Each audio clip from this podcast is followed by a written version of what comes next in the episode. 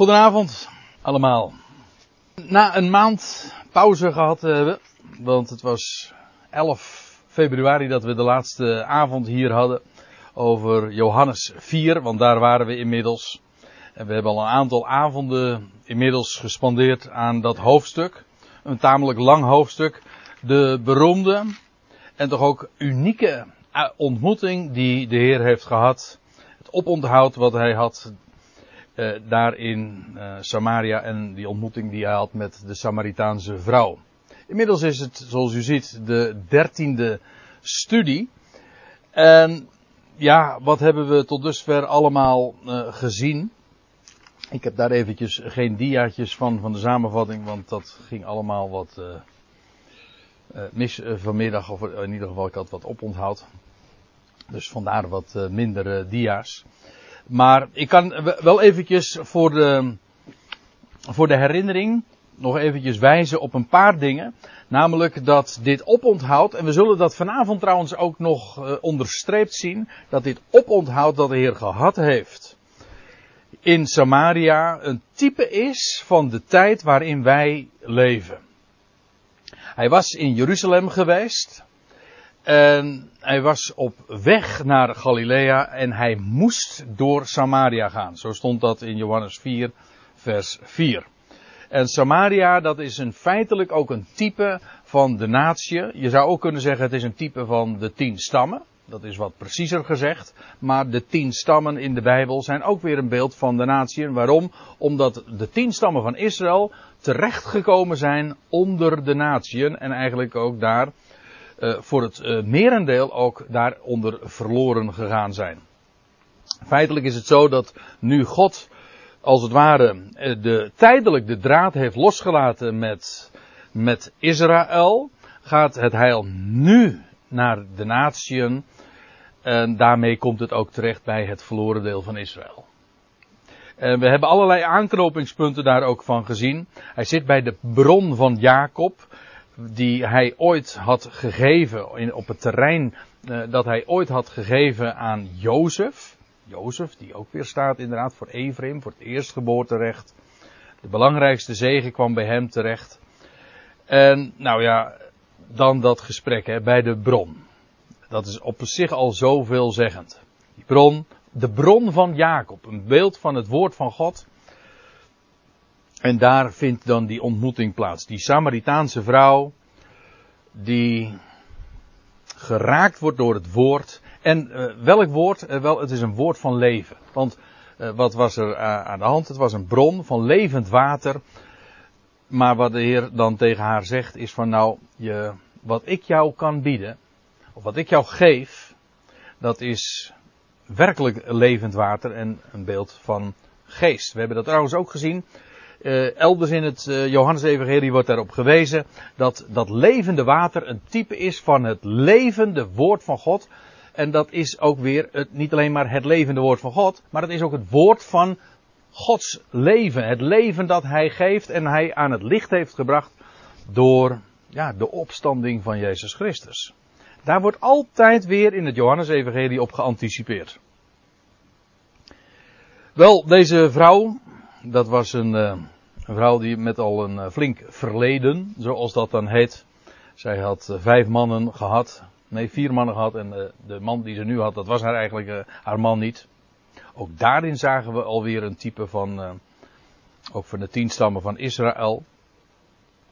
Afijn, wat de Heer dan ook zegt, want er ontstaat min of meer een theologische discussie. Het ging namelijk om de vraag, die vrouw die zegt, dan van ja, uh, wij in Samaria, wij eh, aanbidden op deze berg. Jullie Joden, die bidden daar in uh, Jeruzalem, hebben daar de heilige plaats. Wat is het nou? En dan maakt de Heer er bepaald geen geheim van dat Jeruzalem de plaats is. En het heil is uit de Joden. Maar zegt hij dan tevens erbij, er komt een uur, en die is nu, zegt hij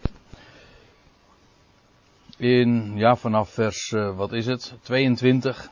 Er komt een uren, geloof mij, ik lees het nu even voor. Geloof mij vrouw, de uren komt dat gij nog op deze berg, nog te Jeruzalem, de Vader zult aanbidden. En dan in uh, vers 23. de, er, de uren komt en is nu dat de waarachtige bidders de Vader aanbidden zullen in geest en in waarheid.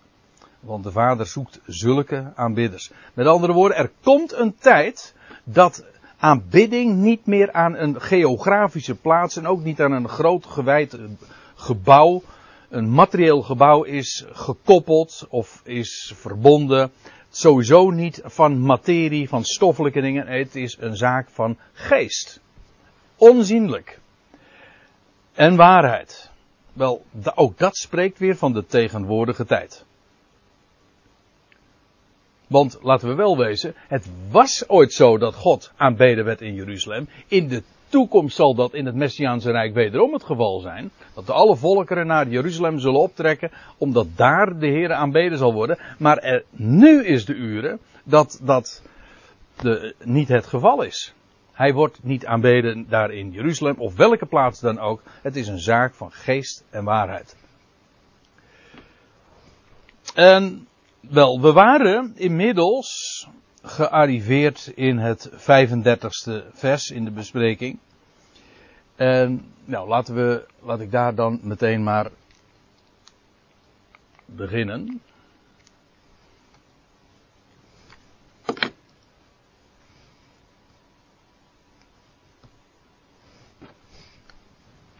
Ja, hij doet het. Ja, oh ja, nou weet ik het weer. Ook want de vorige keer waren we nog uh, gestuurd op die vraag van ja, hoe, waar zou dat nog mee te maken hebben met de opmerking die, die nu in het 35ste vers gemaakt wordt.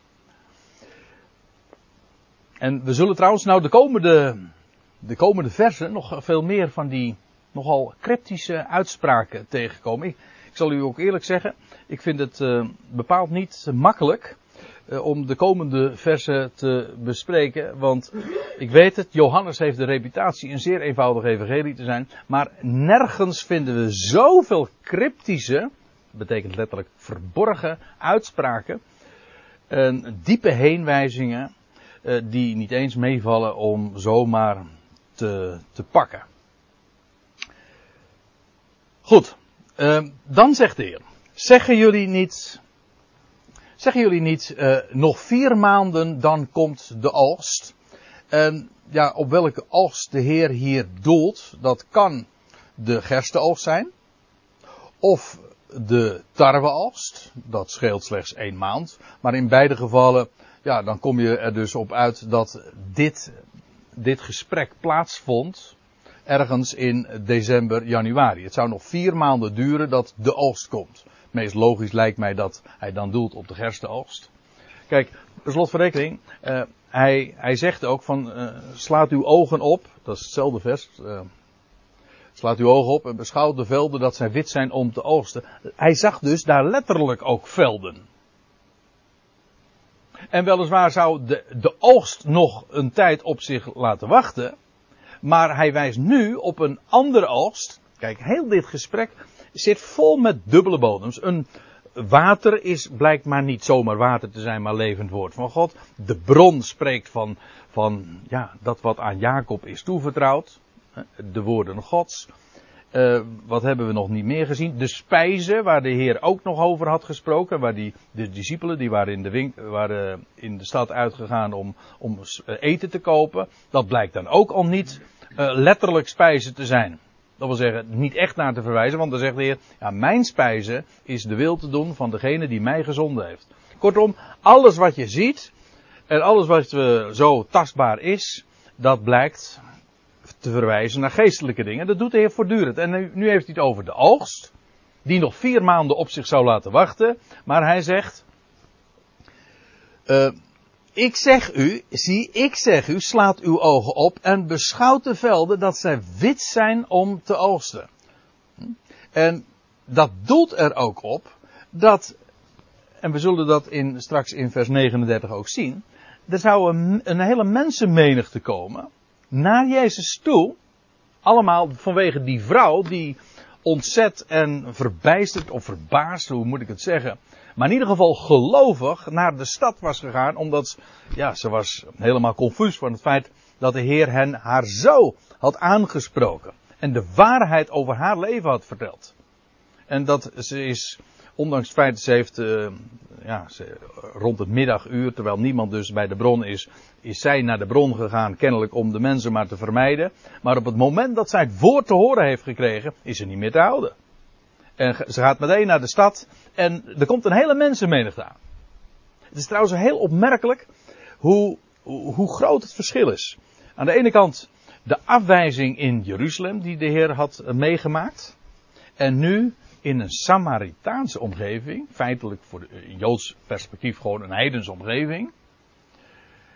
Dat daar nu een hele oogst, zeg maar, binnengehaald zou kunnen worden. De, de velden zijn uh, wit om te oogsten.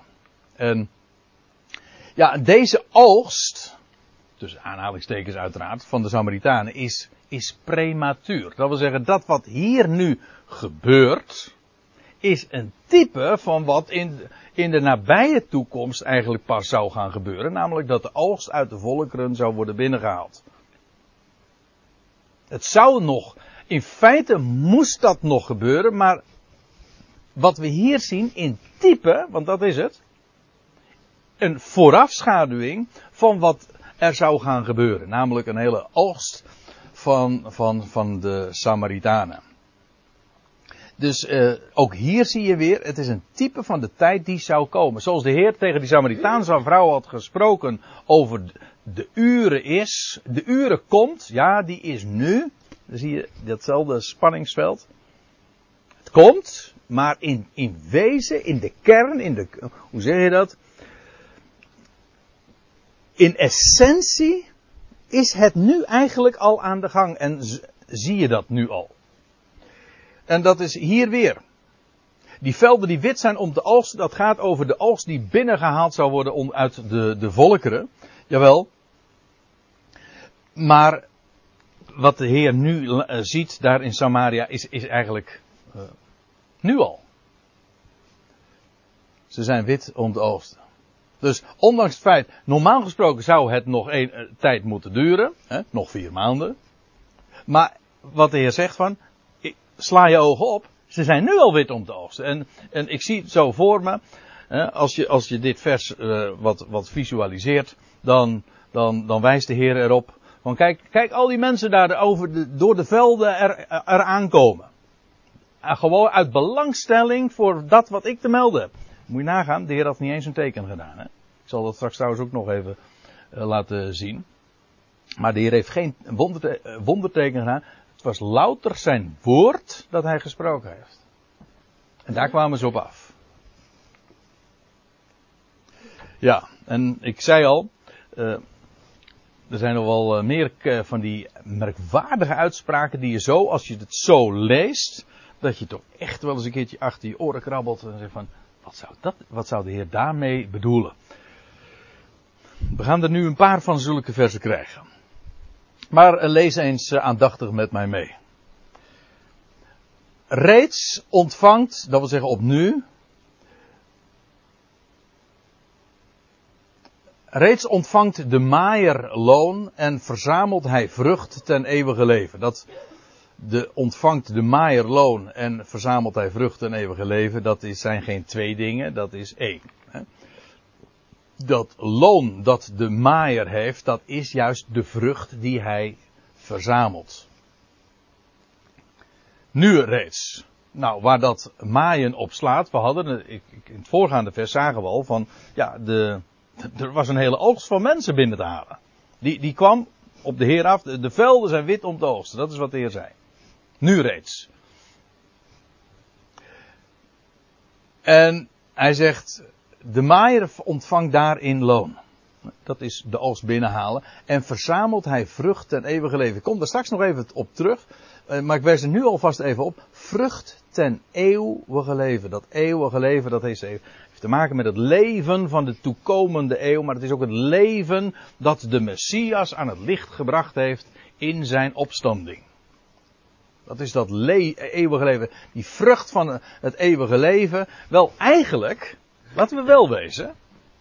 Die, dat is iets wat pas aan het licht zou komen in de opstanding van de Heer Jezus. Toen bracht hij het leven aan het licht. Net zo goed als toen ook pas de, de geest er zou komen. Ik weet niet of u het zich nog herinnert, maar ik heb door de, of de vorige keer of die keer daarvoor op gewezen op Johannes 7. Nou, het is misschien goed om even terug te bladeren. Nee, eh, niet verder op te bladeren natuurlijk. Ja, daar staat in Johannes 4 vers, nee, Johannes 7 vers 37. Daar zie je dat fenomeen heel sterk getypeerd. Daar staat er, en op de laatste, de grote dag van het feest, dan gaat het over het Loofhuttenfeest, op de achtste dag was dat trouwens, stond Jezus en hij riep zeggende, indien iemand dorst heeft, hij komen tot mij en drinken. Vond net zo'n waterprocessie plaats en bij die gelegenheid is het dat de Heer dat zegt. Wie in mij gelooft, gelijk de schrift zegt, stromen van levend water zullen uit zijn binnenste vloeien. En dan staat erbij, dit zeide hij van de geest, geest, leven, welke zij die tot geloof in hem kwamen, ontvangen zouden. Want, staat er, de geest was er nog niet, omdat Jezus nog niet verheerlijk was. Geest, leven. Wel, wanneer zou dat komen? De Heer sprak er al over, tijdens zijn verblijf op aarde. Hij sprak erover met de Samaritaanse vrouw. Hij sprak erover bij zoveel andere gelegenheden. Ja, maar het wees vooruit naar het moment, niet eerder, dat hij verheerlijkt zou worden, op zou staan uit het graf, eens voor altijd leven aan het licht heeft gebracht en daarmee ook geest. Dat is allemaal, in het Johannes-evangelie is dat allemaal, zijn dat synonieme begrippen, onderling uitwisselbaar. Maar de Heer zegt, mijn woorden zijn geest en leven. Daar sprak hij van. En dan is het uh, Petrus, die in hetzelfde Johannes 6 ook zegt van, als de Heer uh, op een gegeven ogenblik zegt, als zoveel mensen hem ook verlaten, dan zegt hij, gaan jullie ook niet weg? En dan zegt Petrus, tot wie zouden wij gaan? U hebt immers woorden van eeuwig leven. Leven van die toekomende eeuw. Dat hebt u. Goed, dat, die vrucht van, de eeuwige, uh, van dat eeuwige leven, wel, dat, dat werd nu eigenlijk al ingezameld. Ik geloof trouwens, ik, we hebben het er wel eens over gehad, ja. Maar, ja, dat moet ik dan toch nog eens uh, naar voren brengen, denk ik. Dat is nu wel even het moment.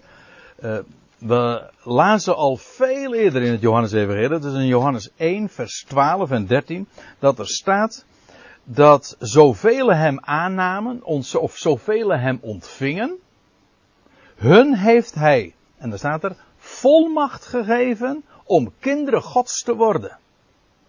Ze werden toen nog geen kinderen gods, maar ze kregen volmacht om kinderen gods. Ze kregen toen de autoriteit, als het ware een licentie, om kinderen gods te worden. Kinderen gods, dat nieuwe leven, dat konden ze pas ontvangen bij de opstanding. En daarna.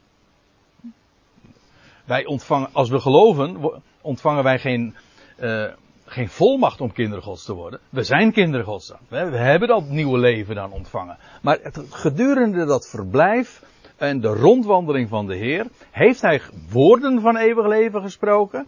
En degene die hem ontvingen, aan aangenomen hebben, zo u wilt.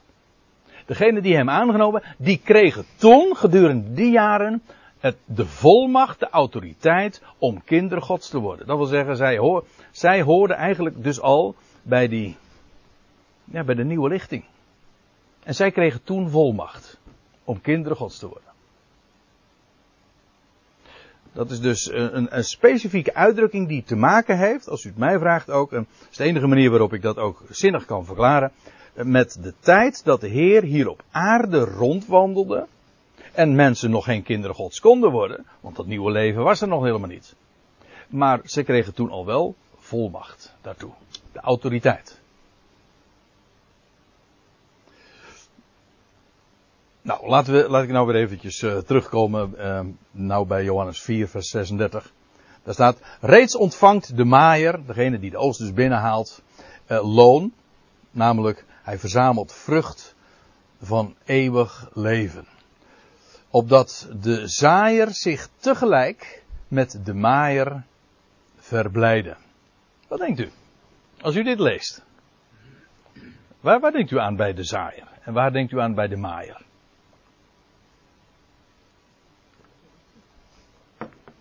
De zaaier. En wie is dan de maaier? Ook. En die zich dan tegelijk verblijden. Omdat ze dezelfde zijn. Mm, dat zou een zinnige gedachte zijn. Maar dan, dat zou ik namelijk zelf ook zeg, gezegd hebben. Waar het niet, als je even één vers doorleest.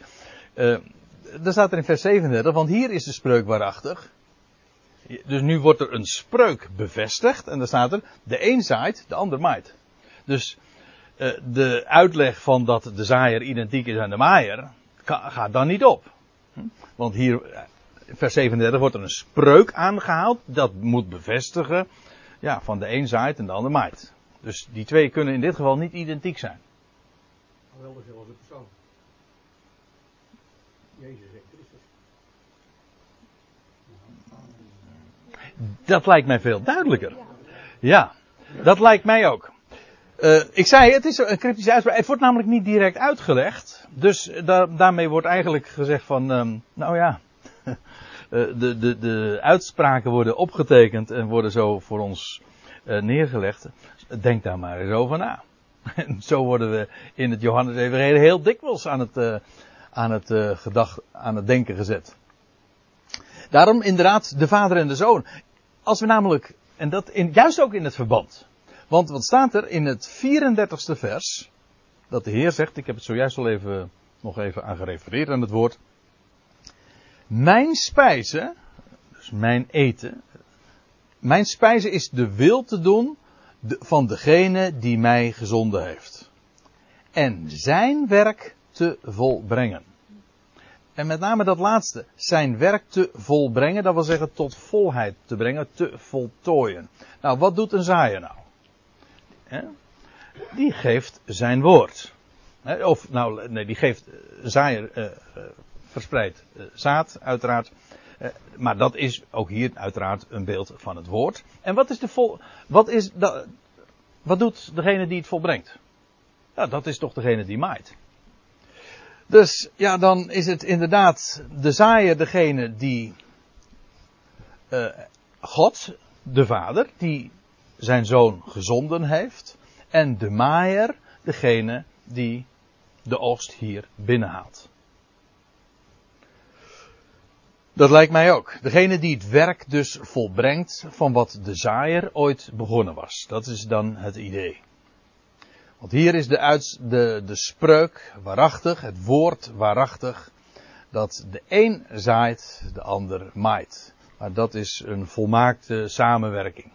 Ook dat is een van de thema's in het Johannes-evangelie, dat dat de Heer Jezus Christus het woord Gods ook is die, die dat uitdrukt, de expressie van God. Wie hem ziet, of wie hem ziet, ziet God.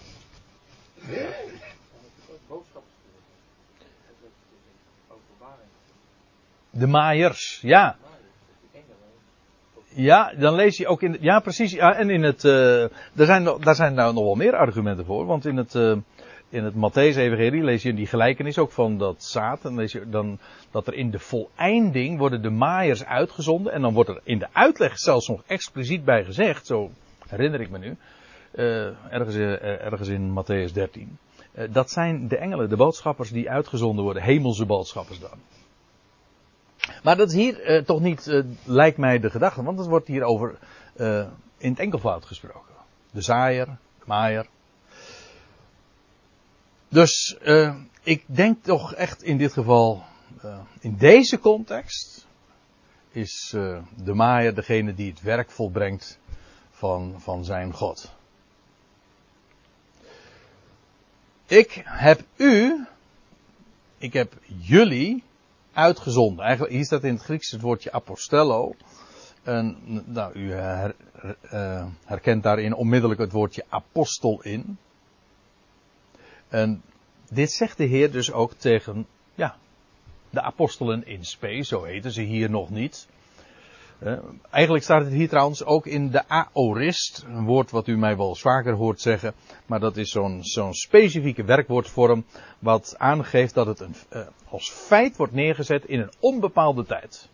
Niet specifiek verleden of heden of toekomst, maar onbepaald. Het feit wordt neergezet ongeacht wanneer. Dus ik zend u uit of ik vaardig jullie af. Ongeacht wanneer. De afvaardiging hier is nog geen feit, maar hij, hij vaardigt hen af. En, ja, ik, eh, Johannes 20, vers 21, daar, daar zegt de Heer na zijn opstanding ook daadwerkelijk, vrede zij u, shalom. Gelijk de Vader mij gezonden heeft, zend ik ook u. Dat wil zeggen ook jullie. Dat is waarmee zij uh, van discipelen apostelen werden. Discipelen, ze waren leerlingen en nu werden ze apostelen. Ze werden afgevaardigd. Met dezelfde missie als waarmee de Vader, de Heer Jezus, had gezonden. Ik heb jullie uitgezonden om datgene te maaien. Dit is weer, als u het mij vraagt, weer zo'n. Uh, ik had u al gewaarschuwd, hè. Dus uh, weer een nogal, nou ja, toch cryptische uitspraak. In ieder geval uitspraak die je enorm aan het denken zet. Waar gaat dit specifiek over? Nou, het eerste is niet zo moeilijk. Hè? Als de Heer zegt, ik, ik, ik vaardig jullie af. Oké, dat is duidelijk. Zij zijn de apostelen in spe. Maar dan, om datgene te maaien wat u geen arbeid heeft gekost. Dat zou je dat lijkt me hier de gedachte ook van, ja, nou ja, de Heer had een uh, zojuist gewezen op van, sla uw ogen op. De, de velden zijn wit om te oogsten. Ik ben die maaier. Maar uh, de Heer zendt als het ware hen ook uit. Hij vaardigt hen af om, in, om dat met hem die oogst binnen te halen van wat er nu daar uit Samaria kwam. Dat had hen helemaal geen arbeid gekost. Letterlijk niet. Want ze hebben zelfs dat gesprek niet meegemaakt van de Heer met de Samaritaanse vrouw. Zelfs dat niet. Maar dan zegt de Heer dit. Anderen hebben gearbeid. En gij hebt. Ja, nou ja, nu ik geef het al even aan. Uh, bij wie ik dan denk inderdaad aan die anderen. Die hebben gearbeid. Anderen. Vooral dat meervoud, dat uh, verbaast hier, nietwaar?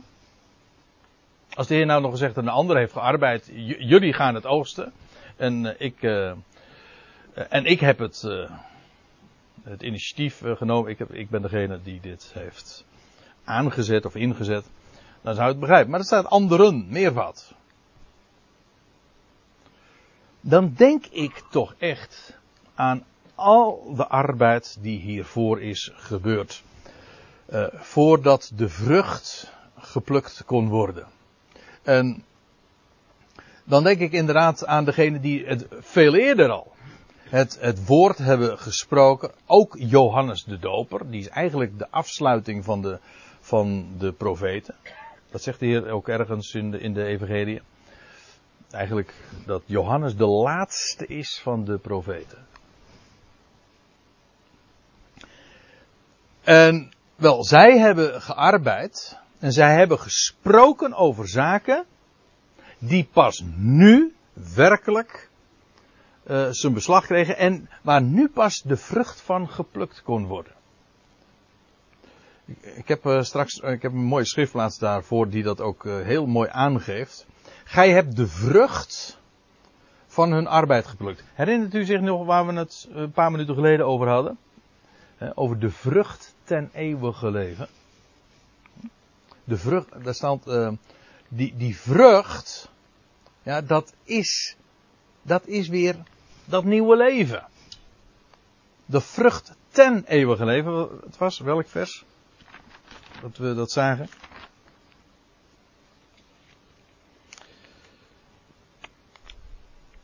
Ja, vers 35. Ja. Daar staat die uitdrukking de vrucht ten eeuwige leven. Ja, en dat is, kijk, al die, alles wat daar, wat er aan arbeid is verricht, ook aan, in, aan de arbeid van de profeten. Ze hebben gesproken over zaken, pas nu, pas nu kon de vrucht daarvan geplukt worden. Dat wil zeggen ook dat, dat de vrucht van dat eeuwige leven. leven van de opstanding. En in 1 Petrus 1, dan lees je dit. Dat vind ik een, een, een, een eh, mooie onderbouwing van wat ik uh, daarover uh, nu gezegd heb. Die andere, dat het inderdaad de profeten zijn. Dan zegt, de, ik citeer nu uit de MBG-vertaling. Naar deze zaligheid, naar deze redding, staat er letterlijk, hebben gezocht en gevorst de profeten. Die van de voor u bestemde genade geprofiteerd hebben. Petrus heeft, brengt geweldige dingen naar voren. Over alles wat nu inmiddels de, de voor ons bestemde genade die ons ten deel is gevallen. Wel, zij hebben daarover geprofiteerd. En dan zegt hij er nog dit bij. Terwijl zij naspeurden op welke of hoedanige tijd de geest van Christus in hen doelde. Toen hij vooraf getuigenis gaf van al het lijden dat over Christus komen zou, maar ook van al de heerlijkheid daarna. Dus die profeten die hebben gezocht, die hebben gevorst en die hebben nagespeurd. Dat is eigenaardig hè. Die hebben, die hebben dus geprofiteerd. Ze hebben voorzeggingen gedaan. We hebben het allemaal zwart op wit in de schriften. Maar zij hebben het zelf niet begrepen.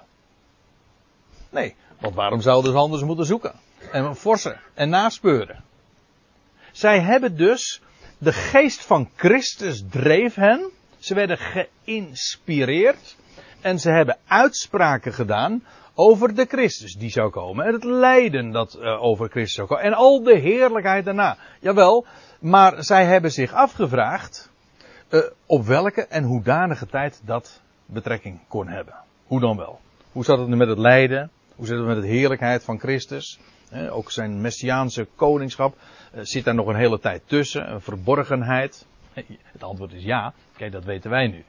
Maar zij wisten dat niet. En zij hebben daarna ge, gezocht en gespeurd en, en, en gevorst. Dus zij hebben, ja, zij hebben ons de, de schriften gegeven. Ze hebben, ze hebben gearbeid, jawel, maar wij plukken de vruchten daarvan. En dan staat er nog bij in 1 Petrus, ik citeer nu ook nog het twaalfde vers er even bij. Hun werd geopenbaard dat zij niet zichzelf, maar u dienden met die dingen, welke u thans verkondigd zijn. Dat wil zeggen, de dingen die zij uitspraken hadden betrekking op toekomende tijden, waarvan zij zelf ook niet wisten hoe en wat, en vooral het, uh, het hoe en wanneer, welke en hoedanige tijd, dat was hen ook niet duidelijk. Maar één ding wisten ze wel, zij dienden een toekomstige generaties. Niet henzelf. Hun werd geopenbaard dat zij niet zichzelf, maar u dienden met die dingen welke u thans, thans verkondigd zijn. De nadruk ligt erop die jullie nu verkondigd zijn. En die zij ooit tevoren profeteerden, voorzegden. Bij monden van hen die door de Heilige Geest, die van de hemel gezonden is, u het evangelie hebben gebracht in welke dingen zelfs engelen begeren een blik te slaan. Dat is mooi. Met andere woorden, ook de hemelse boodschappers, die hebben van de dingen waarvan de profeten hebben gesproken, dat niet begrepen. En in ieder geval, eh, met grote belangstelling en interesse, hebben ze daar uh, begeerd een blik in te slaan. En het suggereert zelfs dat zij evenmin als de profeten ook zij wisten niet van de hoed en de rand en vooral niet van uh, welke en hoedanige tijd. Ja. Nou. Dus ik denk bij uh, die, uh, die anderen die hebben gearbeid en waarvan de apostelen in die tijd de vrucht plukten, wel die anderen dat zijn inderdaad degene die het woord daar tevoren hebben gesproken. Allemaal met het oog op de toekomst. En nu viel de vrucht, de rijpe vrucht zeg maar zomaar in hun schoot. Anderen hebben gearbeid en zij konden zo de vrucht van hun arbeid plukken. Zo versta ik deze woorden. En ja, anders is dan. Uh, dan hoor ik dat graag. Ik, eh, ik deel deze bevindingen en ik vergelijk schrift met schrift. Maar ik, ik eh, leg hier geen, geen dogma's neer. Ik vertel wat ik ontdekt heb. Maar als u zegt van nou, het zou ook nog eens een keertje zo kunnen zijn. Of heb je wel eens hier aan gedacht. Ik hou me altijd aanbevolen. En ik zeg ook, ik zeg dit echt met, en dat, dat is geen, geen holle frase. Ik zeg dit echt met, met, met ernst ook. En bescheidenheid. Want ik, ik heb zo het vermoeden dat mij nog het een en ander ontgaat. ja.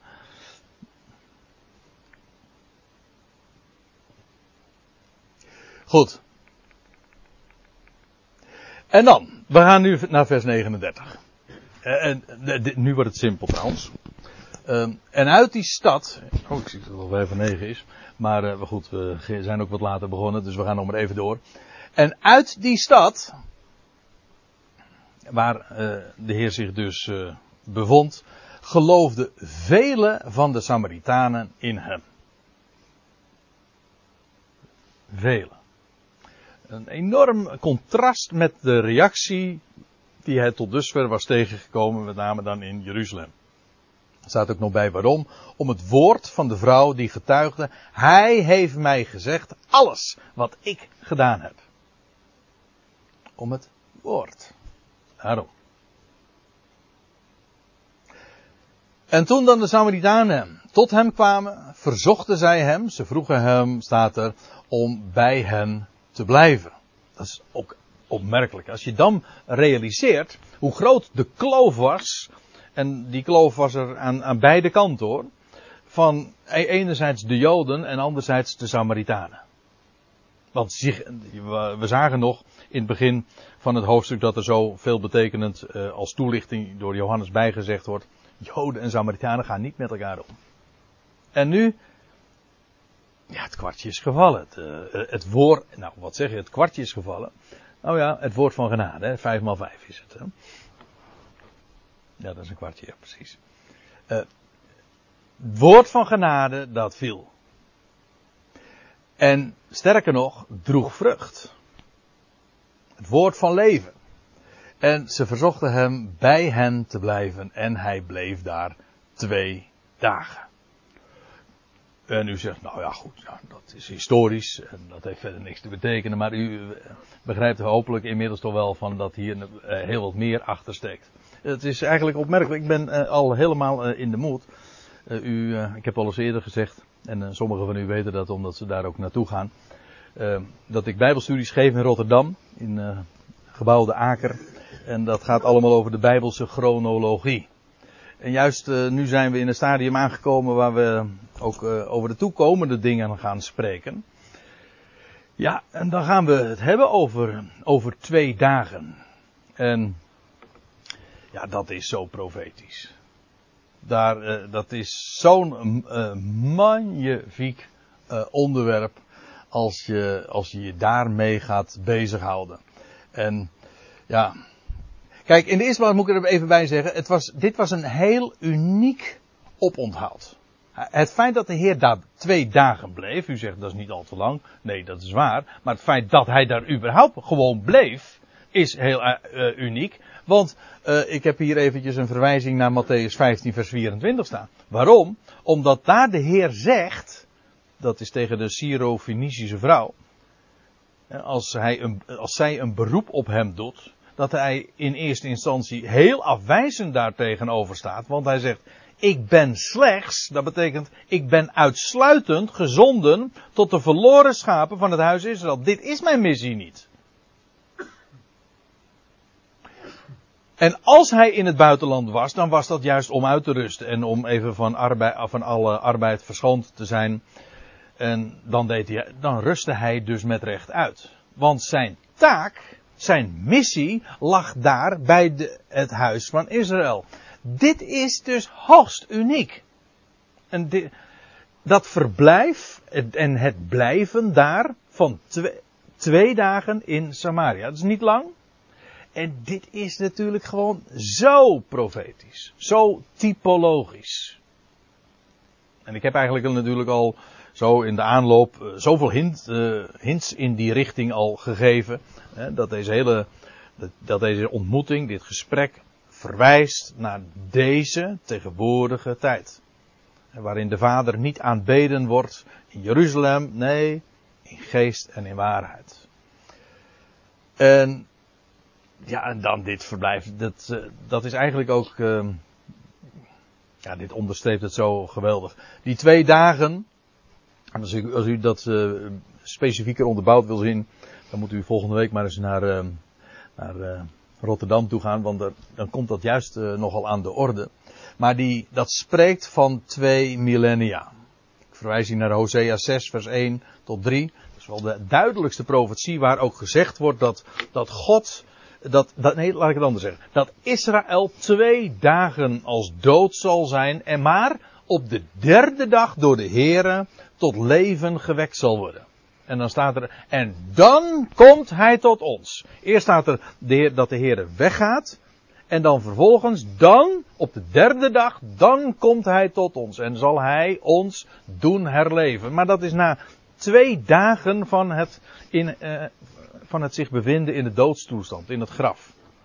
Wel, zegt Petrus dan, als hij ook spreekt over dat uitblijven, het langere duren van, het, uh, van de wederkomst, dan zegt hij, dit ene mag u niet ontgaan, geliefde, dat één dag voor de Heer is als duizend jaar.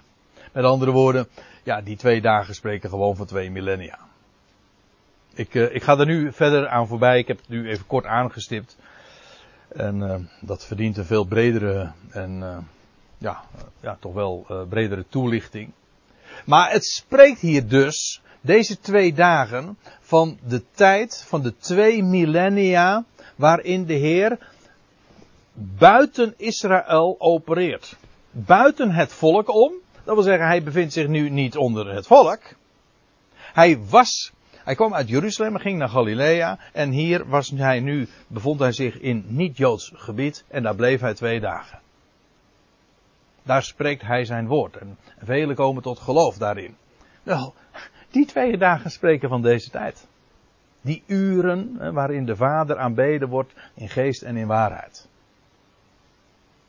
En dit is ook met recht een intermezzo. Een onderbreking. Want de Heer ging, de Heer was op weg weer naar, naar Galilea, naar zijn volk. Ja, en dit is een onderbreking van twee dagen. En daarna wordt de draad weer opgepakt. Dat is precies wat deze tijd, waarin wij nu leven, uit, uh, uitdrukt. God is, er is nog van, van zins zoveel te gaan werken via Israël en door Israël, ook voor de volkerenwereld. Jawel, maar vandaag gaat hij een omweg en bevindt hij zich onder de natieën en het woord komt daar, is daar, wordt daar gevonden gedurende twee dagen. Daar is hij. Ik, dat is het laatste wat ik erover wil zeggen. Colossense 1. Dan lees je. Ja, Colossense 1, vers, wat is het? 25, 26, 27. Daar staat van uh, de grote verborgenheid. Daar spreekt Paulus dan over. Dit geheim is deze verborgenheid. Christus onder jullie, natieën. Waar is Christus? Onder jullie, natie. Niet onder Israël, zichtbaar.